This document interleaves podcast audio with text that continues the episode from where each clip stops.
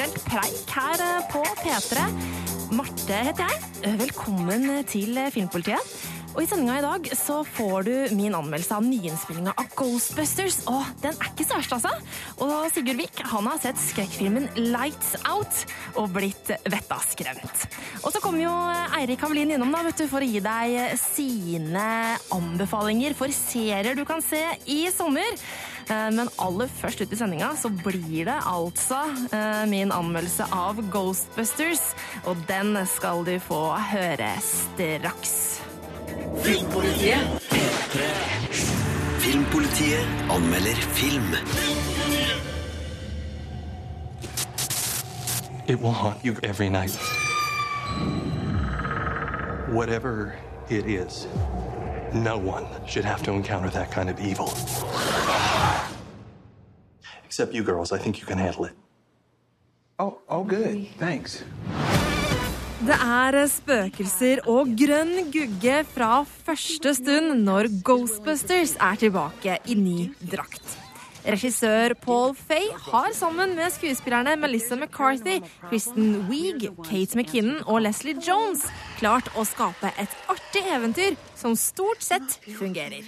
Det er ikke alt som er like morsomt, og noen spøker dras ut til det kjedsommelige.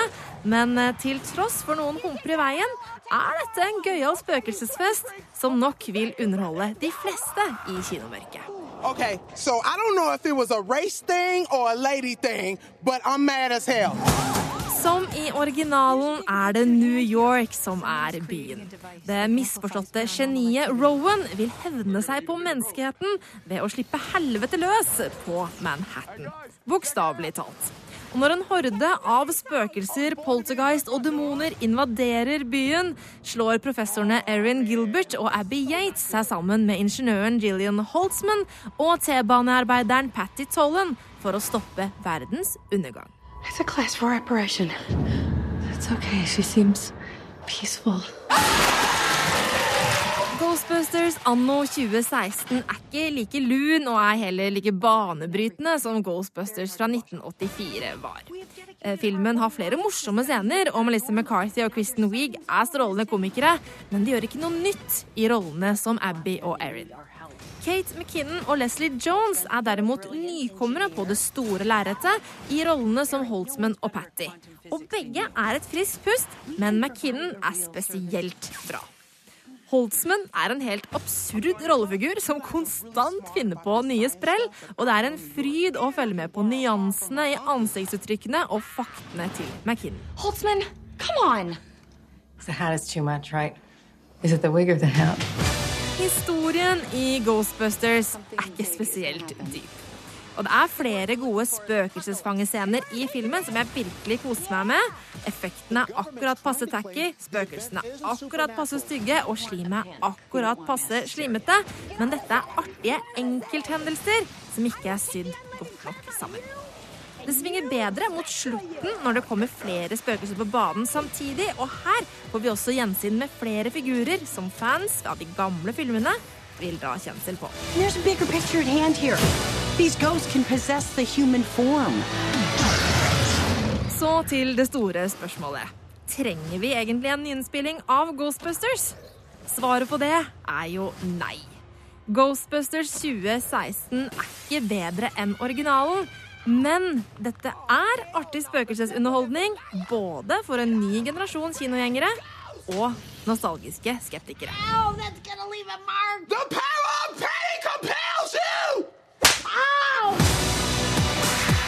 Terningkast fire Filmpolitiet. på P3. Og nå har jeg jommen meg fått eh, besøk i eh, studio. Erik Ablin, velkommen, velkommen. Tusen takk for det. Du er jo vanligvis en musikkmann, men du er også en sånn eh, seriemann på privaten, er du ikke det? Jeg får med meg noen serier, jeg gjør jo det. Ikke sant. Og vi har jo en sånn lita spalte i Filmpolitiet i sommer hvor vi inviterer eh, folk fra P3 til å komme og fortelle om eh, liksom komme noen anbefalinger og hva folk eh, bør se på i sommer. Og, men før vi går i gang med dine tips, Erik. eh, hvordan hvordan serietitter er du? Er du liksom sånn som samler opp alt og venter til alt har kommet ut av en serie, sånn at du kan se alt på, liksom på en gang? Eller er er du sånn som titter sånn uke til uke, en episode her og en episode der?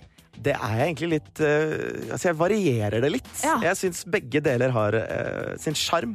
Uh, jeg så for eksempel Broen, så så jeg to sesonger på en helg. På rappen, ja. Ikke sant? På to dager når jeg var febersjuk, hvor Ja. du bare kan ligge inne der og bare sånn dykke virkelig inn i det. Ja. Men da blir man jo nærmest psykotisk Ja, også. man og går blir liksom litt på, eh, smågæren. på butikken og er sånn Nå er det noen som står bak meg, nå er det og, du, Så du kan kanskje komme litt for mye inn i det også. Men? Eh, Så syns jeg også det er liksom hyggelig å ha en ting å se fram mot i uka. Ja, det gjør det. Eh, og at du sånn, ok, hver fredag så er det den serien. Ikke det kan jeg også dyrke virkelig, hvor du sånn oppriktig gleder deg til det, da. Og at det blir et eh, skikkelig høydepunkt i hverdagen Ja. å få den ene episoden. Så det er ikke sånn at når det kommer en ny serie som du har gleda deg, deg til, så venter du liksom til at sesongen er ferdig, og så ser alt. Da koser du deg underveis. Ja, Som regel. Men det er jo variert, det der òg. Jeg bytta litt på, faktisk, med? Skam, for eksempel. Ja, ja, Da så jeg først, så sparte jeg alt opp.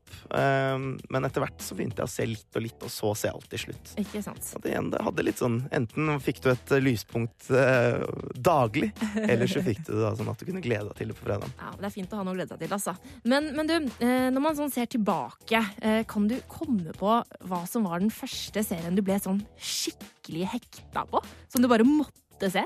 Jeg tror det var Entourage. Oh, Entourage! I hvert fall av den på en måte nye skolen med serier. Der har jeg på en måte alle på DVD og gleder meg til eh, For der var det sånn at det så jeg aldri Det var vel kanskje ikke sendt noe særlig på norsk TV heller. Det var i tilfelle seint Ja, på TV3 eller et Ja, eller annet. jeg husker ikke helt. Ja. Men ja, For det var om han Vince, var det Ja. ikke det han het, som levde livet i Hollywood. Skikkelig sånn gutteserie. Ja, den var Eh, kul, den. Veldig kul, og veldig kult sånt univers som, du bare, som er så enkelt å henge ut i. Ja, ikke Hvor det ikke krever noe av deg, og heller ikke nødvendigvis er så altfor store intriger som du trenger å ta på en måte stilling til. Ja. Men du kan bare sånn sveve inn i den uh, Ja. sesongen der. Så Det jeg liker å kalle lettbeint underholdning. Lettbeint Ja, underholdning. litt sånn korte, enkle episoder som man kan se hvis man spiser middag eller et eller annet sånt. For man spiser selvfølgelig middag i sofaen. Altså, Mm. Nettopp.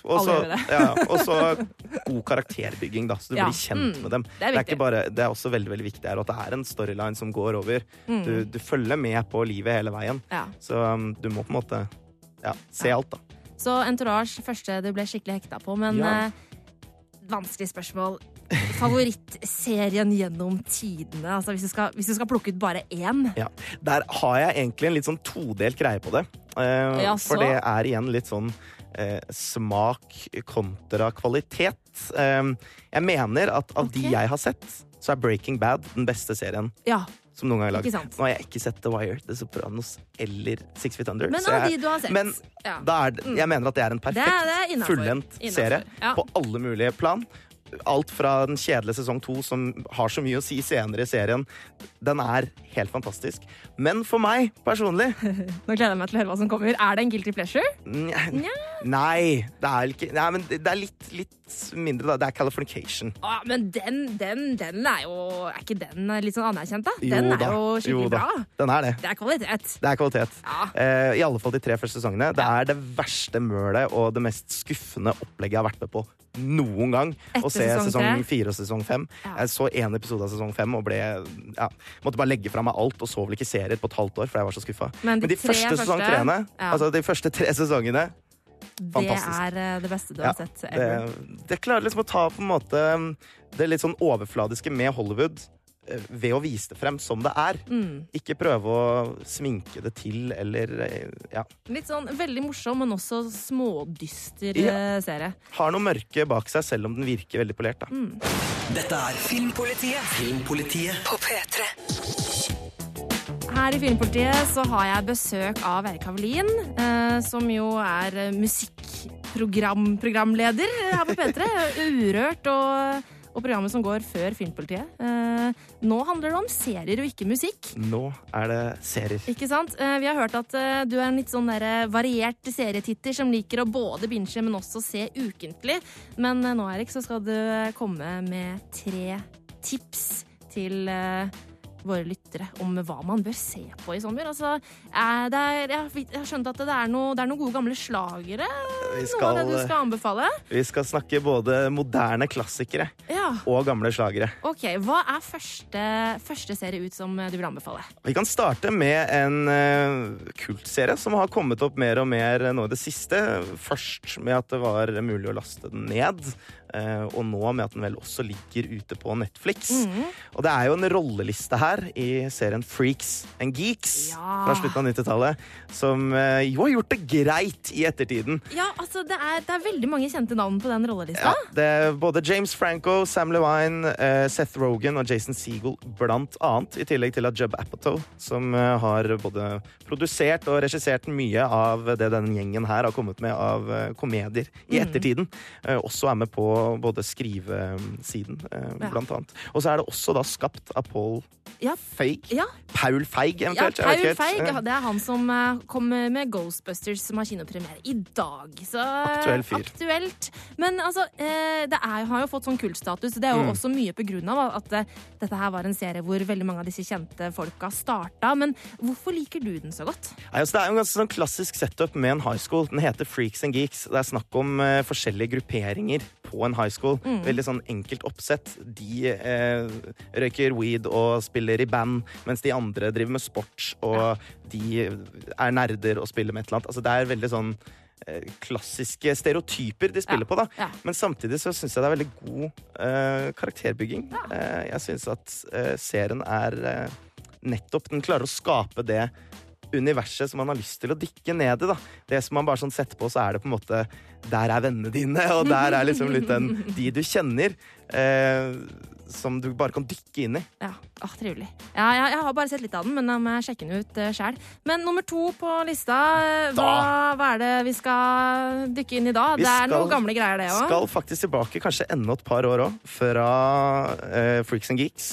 Og her er det egentlig til en spesifikk um, Spesifikk på en måte tid eh, du skal eh, få det med deg. Ja. For jeg regner med at det er litt eh, festing også i løpet av sommeren. Og at Ja. man da Kanskje henger ut med en gjeng, er på en god fest, blir igjen eh, til dagen etterpå og trenger noen underholdning. Noe sånn tidlig på morgenen når man er Tidlig litt på morgenen, litt sånn fyllesyk, er der fortsatt med den gode gjengen, spiser restene av potetgull. Ok. Da må du få på noe Mot i brøstet, som ligger på YouTube. Mot i brøstet? Det Jaså? Står den seg fortsatt, altså? Mm, Nei, men det er nettopp det som kanskje er litt komikken i det. da. Eh, jeg starta å se på det ironisk. Ja. Starta med én episode, men har sikkert tilbringt tre gode sånne søndager hvor det har i hvert fall vært eh, åtte episoder man har fått med seg. For det som er litt gøy med det, er jo at det er så mye stereotyper, og det er, det er så gammelt på så mange måter. da. Så veldig sånn politisk ukorrekt. Men plutselig så kommer det et eller annet gullkorn fra Nils, eller et eller annet som, som høres veldig trivelig ut. Og da så høres det ekstra gøy ut, på en måte. Når det er det, det universet som du har en litt sånn ironisk distanse til, og så er det sånn Trekker det deg plutselig inn likevel. Ja, jeg digger det. Få på noe mot i brøstet. Absolutt. Siste serie på lista, Erik. Var... Moderne klassiker. Moderne klassiker? Ja, I en Ok. eh, ganske aktuell um, sjanger, vil jeg si. Okay. ok. Eh, Det har vært veldig, veldig mye av det i det siste, med TLC og med flere av de andre kanalene. Reality, liksom?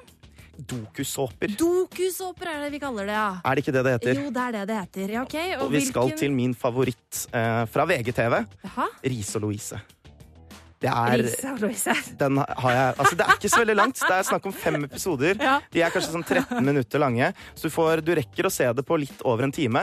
Jeg, jeg har sikkert sett den seks eller sju ganger igjennom. Eh, det er kvalitet, ass. Det er, Er det det? alt fra Det skal følge da Jon Arne Riise, som skal gifte seg med Louise Angelica. Ja. mm. Eh, og følger dem i alt fra planlegging av kjoler til stoler Og til dette hvordan liker du å se på. det er, et, altså det er så langt unna min virkelighet som du kan komme, da. Og den karakteren som Jon Arne Riise spiller, eller som Som han spiller, ja. er eh, han i dette her også, er liksom en sånn Det er en fyr det er litt vanskelig Altså nesten umulig å bli, Ja. ikke bli glad i, da. Oh, ja. Uh, og måten de planlegger dette bryllupet på, hvordan de ser på ting som lykke, hvordan det er, det er fantastisk eh, å dykke ned i det der. Åh, herlig, Erik. Jeg skal sjekke ut det der sjøl, for jeg har ikke sett det ennå. Gled deg. Gled deg! Tusen takk for tipsa dine, og tusen takk for at eh, du kom i studio. Bare- Filmpolitiet. Filmpolitiet anmelder film. Every time I turn off the lights, there's this woman. Lights Out er en sånn skrekkfilm som gjør at du får lyst til å trekke føttene opp i stolen når du ser på den.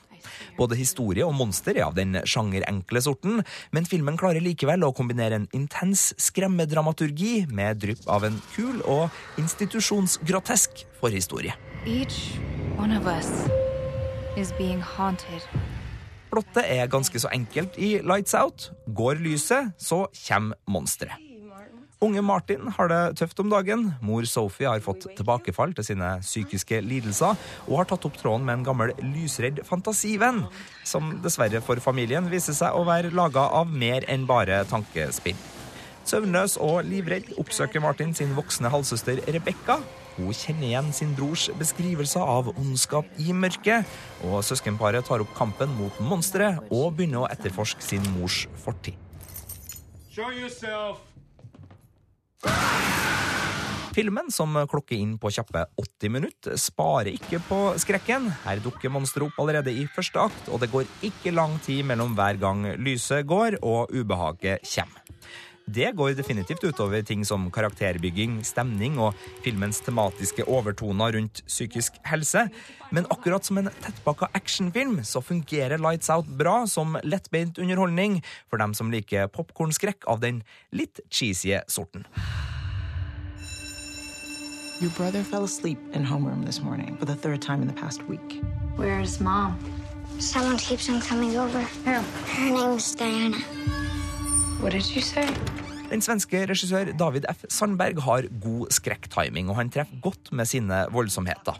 Han har også et smart blikk for å komponere klassiske sjangerelement til en stilsikker og gjennomført hushorrorfilm.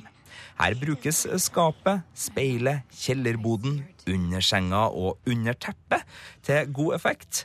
Også lydsida fungerer bra. Lyden av barnehender som tegner, og monsterhender som etterligner. Skaper uhygge, og et gammelt opptak fra et brutalt sinnssykeasyl gir en ekkel klangbunn til etterforskninga.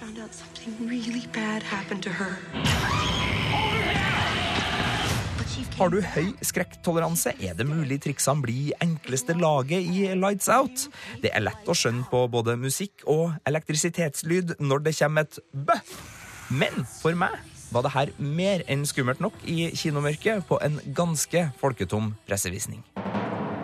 Terningkast fire. Ah, nei, jeg har ikke høy eh, skrekktoleranse, så jeg tror jeg dropper Lights Out, selv om det er en anbefaling fra Sigurd her. Eh, Jeg er rett og slett eh, for redd jeg, for å se, se sånne skumle greier. Dette er Filmpolitiet på P3. P3. Og her i Filmpolitiet akkurat nå så er det nyheter det handler om. Sigurd Vik, velkommen inn.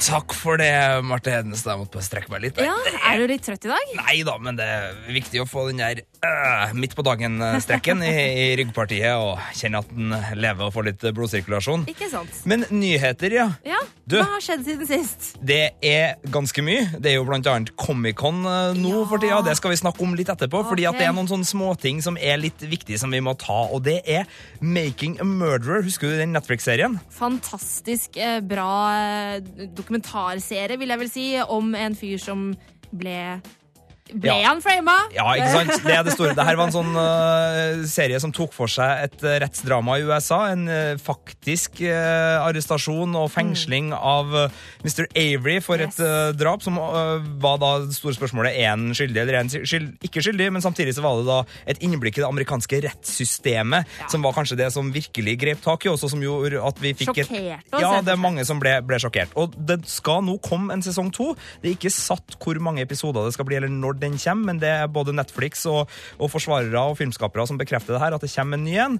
Eh, så den dukker jo opp, og da er det jo eh, gangen videre i det her, for han har jo fått nye advokater, Mike Avery og sånne ting, som eh, vi skal se på nå. Men jeg merker jeg er glad for at vi skal få se videre. Samtidig så synes jeg det er litt skummelt at på en måte hvor populær en serie blir, skal avgjøre Ja. eller ha innvirkning da, på et faktisk menneskeliv. Det er litt sånn Ja, og vi har jo sett det samme med den podkasten Serial. Ja. Eh, Der er også den rettssaken eh, blitt tatt opp igjen. Så det, det er jo veldig interessant å se hvor mye innvirkning eh, disse tinga har på virkeligheten. Det er det, og det skal visst handle Jeg sa Mike Avery, det er Steven Avery, Steven forresten. Avery, ja. Beklager, det var Steven Avery og Brendan Dassey, som er hans nevø, som er de to som Ja. har sittet på tiltalebenken og blitt uh, dømt der. Mm. Men det blir spennende å følge med. Making a Murderer var en kjempegod serie. Eh, og det skal bli artig å følge den videre. Eller ikke artig, det skal bli spennende å følge den videre. Og så er det en trist nyhet, Ja, Marte. altså, altså, for nostalgikerne der ute, Ja. så er det nå Det er slutt. Ja. Det er over. Det er Etter ferdig. 44 år så har markedet nå slutta å produsere VHS-spillere. Video. Altså videospilleren, den med kassetten som du dytta inni, og som du måtte bruke tracking-kontroll for å få bildet sånn noenlunde stabilt på. Ja, Det er uh, da um, Funai, som er et japansk selskap som har holdt på med det her siden uh, starten av 80-tallet, som nå har vært den siste. Jeg husker den logoen uh, på, på både VHS-spillere og videokassetter. Husker, husker at det sto det på, på videokassettene. Du er en ung sjel i en gammel Ja. kropp, Marte Henstad, som har levd lenge, lenge. Jeg er en ung begge. sjel i en gammel kropp! Ja. Jeg er en gammel sjel i en ung kropp. Ikke godt å få med en liten fornærmelse i nyhetsstikkene her. Det der. Du er en vakker, vakker Ah, sjel og en ah, vakker, vakker kropp, Ah, Marte Henstad. Ja, ja, ja. Men det er litt synd. Hva eh, er dine beste VHS-kassettminner? Eh, det er rett og slett det at eh, hjemme så hadde vi en sånn kassettspiller, som, eller videokassettspiller, som gjorde at da båndet var helt ferdigspilt, så spurte den tilbake av seg selv og begynte på nytt hvis du ikke gjorde noe med den. Den bare gikk i loop. Og da pleide vi å sitte og se Disney-filmer, og så kom det jo trailere etter filmen, som eh, det var i gamle dager. Så sto vi ferdig trailerne, og så var det svart, svart, svart, svart. Så spurte den tilbake, og så bare så vi filmen på nytt! Og det gjorde vi hver gang vi hadde fått en ny Disney-film. Ikke rart vi er hjernevaska av underholdningsgigantene her. Eh, Sjøl så husker jeg jeg kjøpte Star Wars-trilogien i 1997, når den kom oh. på, på VHS. i sånn, Det er ikke den originale utgaven, det her var den der Ja. eh, fiksa litt på-utgaven som, eh, som kom eh, da. Eh, I en gullboks, og den har jeg enda stående framme i stua, sjøl om eh, jeg må nok lete litt for å finne VHS-spilleren. Men ta nå vare på VHS-spillerne, Ja, da, kommer til å bli mye verdt nå. Ja, Det er ikke sikkert, Jo men det kan jo være å ta vare på favorittfilmene på VS. for det er litt sjarmerende å kose seg med en god gammel Bond-film. Det er det så absolutt. Filmpolitiet.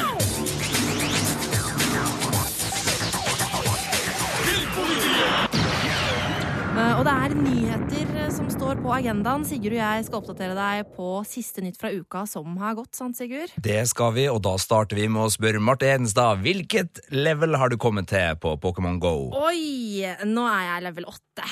Det er ikke verst. Det er ikke så veldig imponerende. ass. Eh, Det, eh, det er fordi mobilen min krasjer, jeg har ikke tid og alt mulig, men jeg prøver å spille så mye som jeg kan etter jobb. Og jeg syns det er veldig gøy.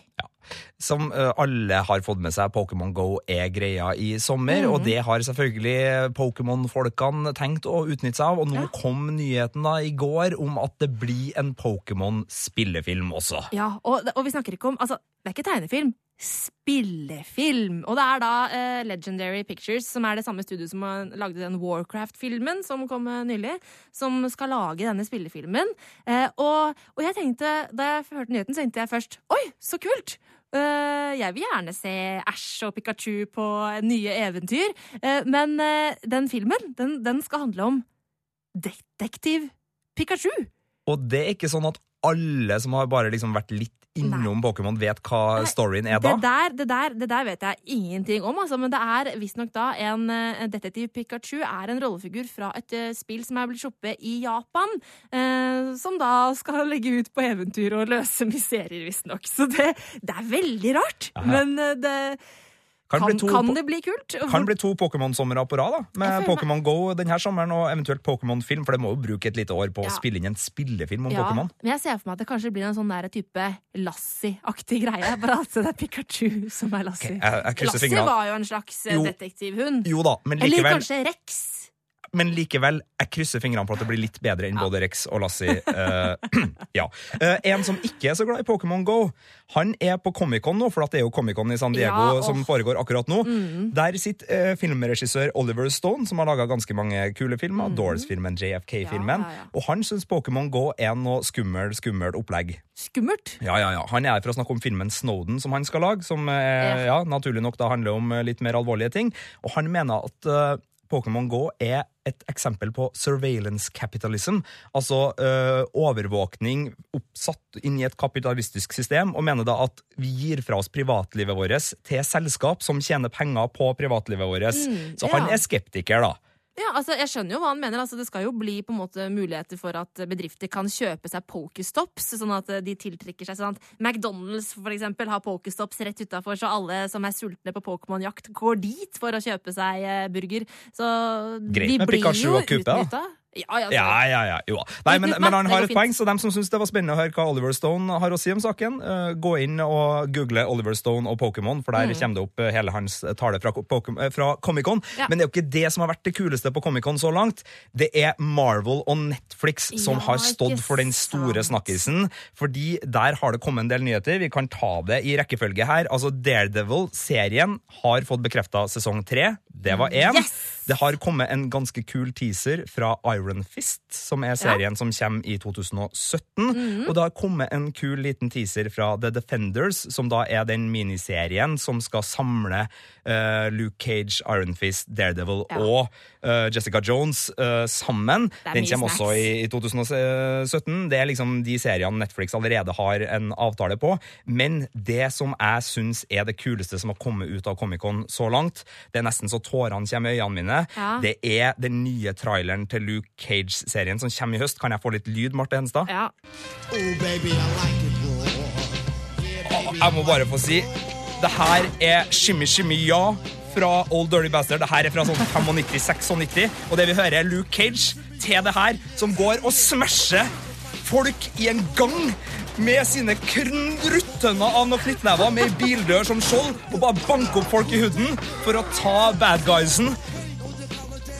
Å, fy søren, det ser så bra ut, Martin! Jeg har ikke sett maken til kul liten teaser-trailer noen gang. Luke Cage.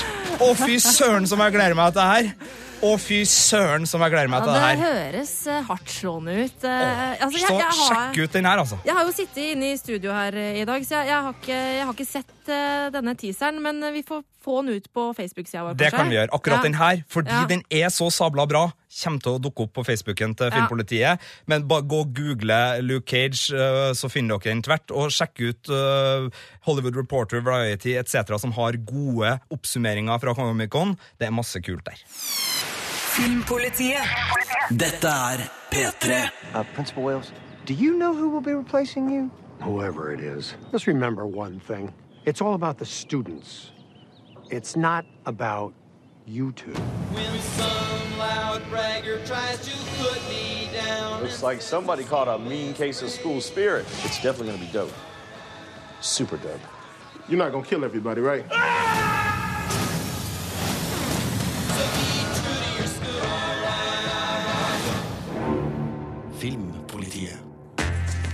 Der eh, fikk vi lyd fra en eh, TV-serie som jeg eh, liksom tenker at heter Vice Principles, men det er Vice Principals, ble jeg fortalt. Sigurd, hva er det her for en serie? Der, Hei, Marte. mikrofonen din, kanskje? Ja. Jeg, jeg tror det er Principals. Det her er HBO sin sommerkomedie. For dem som eh, trenger å like litt sånn skrudd eh, humor og drøy humor og litt kleine, ubehagelige situasjoner, Ja. så har de kommet til rett plass her.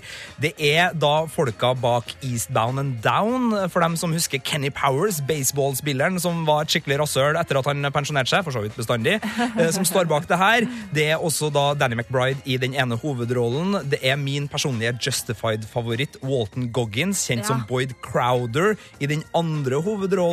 Litt sånn sær Han er litt sånn litt, Han er litt sånn fæl, syns jeg. Ja, men han er en veldig veltalende fæl Ja, fyr. ja, ja. Og så er det Jodie Hill, som har eh, ja, tidligere gitt oss Observe and Report-komedien med Seth Rogen fra 2009, som da sammen med McBride eh, og NT har laga det her.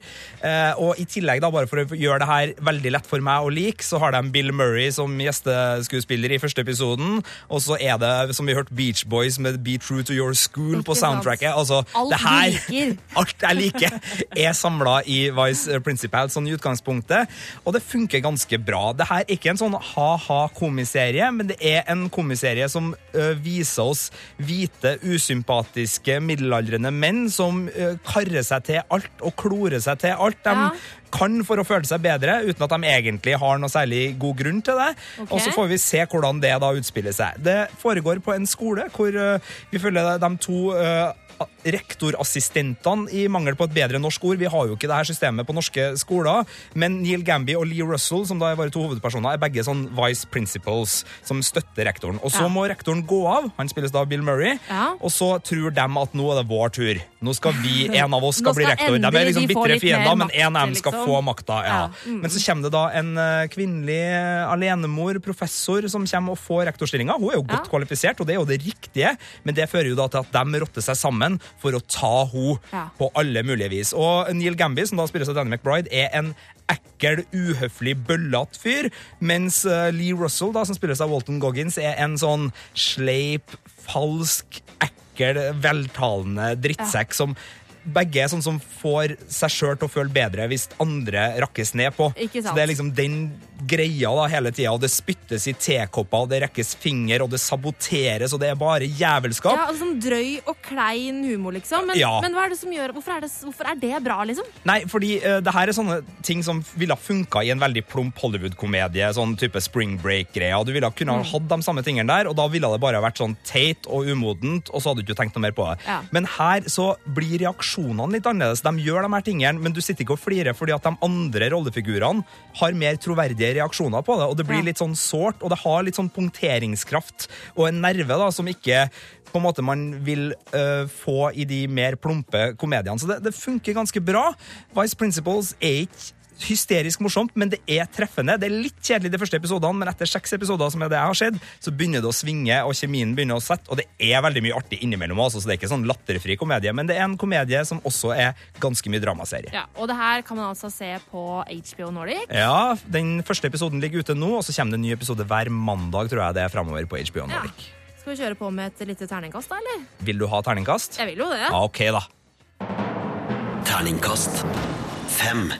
Dette er Filmpolitiet Filmpolitiet på P3. Det er eh, Filmpolitiet du hører på her på P3. Og eh, vi må bare snakke litt om serier, for at det er en utrolig god eh, seriesommer i år. Altså Stranger Things i Netflix er strålende. Vi hørte nettopp at Vice Principals eh, i HBO Nordic er veldig bra.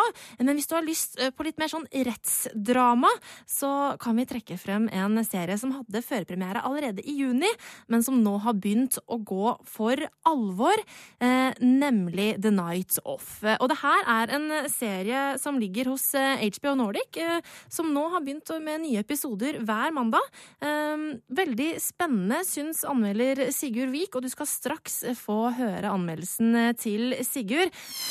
Filmpolitiet. Filmpolitiet. Les mer om film, spill og serier på p3.no Filmpolitiet. Filmpolitiet anmelder TV-serie. I want to tell you something, and it's the most important thing you'll ever hear in your entire life. Don't talk to anybody anymore. Shut it. The Night Off er en kompleks og drivende god krimserie som kanaliserer tema og stilgrep fra gamle HBO-klassikere som The Wire og fengselsserien Oz. I tillegg til et hyggelig gjensyn med flere kjente fjes fra de nevnte seriene, så er John Tortoro imponerende god som den rufsete advokaten John Stone. Han bærer både bakgrunnshistoria og den moralske dualiteten til en sliten advokat som snubler over en drapsmistenkt i varetekt.